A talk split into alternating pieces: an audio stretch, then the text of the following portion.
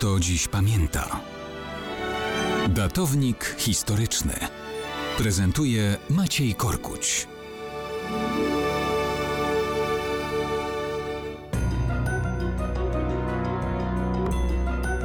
Mało kto dziś pamięta, że 21 listopada 1249 roku żywot swój zakończył As-Salih Ayub.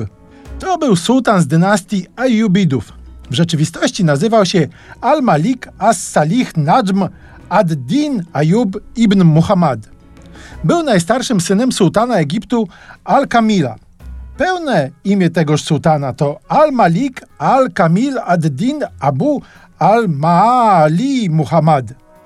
Można dodać, że z kolei dziadkiem Al-Malika Salih Najm ad-Din Ayub ibn Muhammad był Al-Malik Al-Adil Saif ad-Din Abu Bakr Muhammad ibn Ayub, zwany w skrócie Aladilem. Ten był przez europejskich krzyżowców nazywany Safadinem.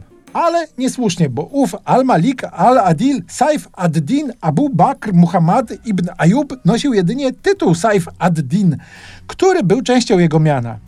To był zresztą młodszy brat sławnego Al-Malika An-Nazir Salah ad-Dunyavad Din Abu al-Muzaffar Yusuf ibn Ayub ibn Shazi al-Kurdi, dla upraszczenia nazywanego przez Europejczyków Saladynem.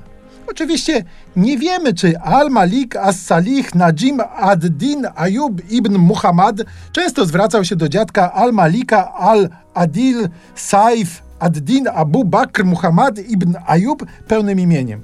Było to możliwe, bo Al-Malik as-Salih Najm ad-Din Ayub miał już 11 lat, kiedy jego dziadek Al-Malik al-Adil Saif ad-Din Abu Bakr Muhammad ibn Ayub odchodził z tego świata.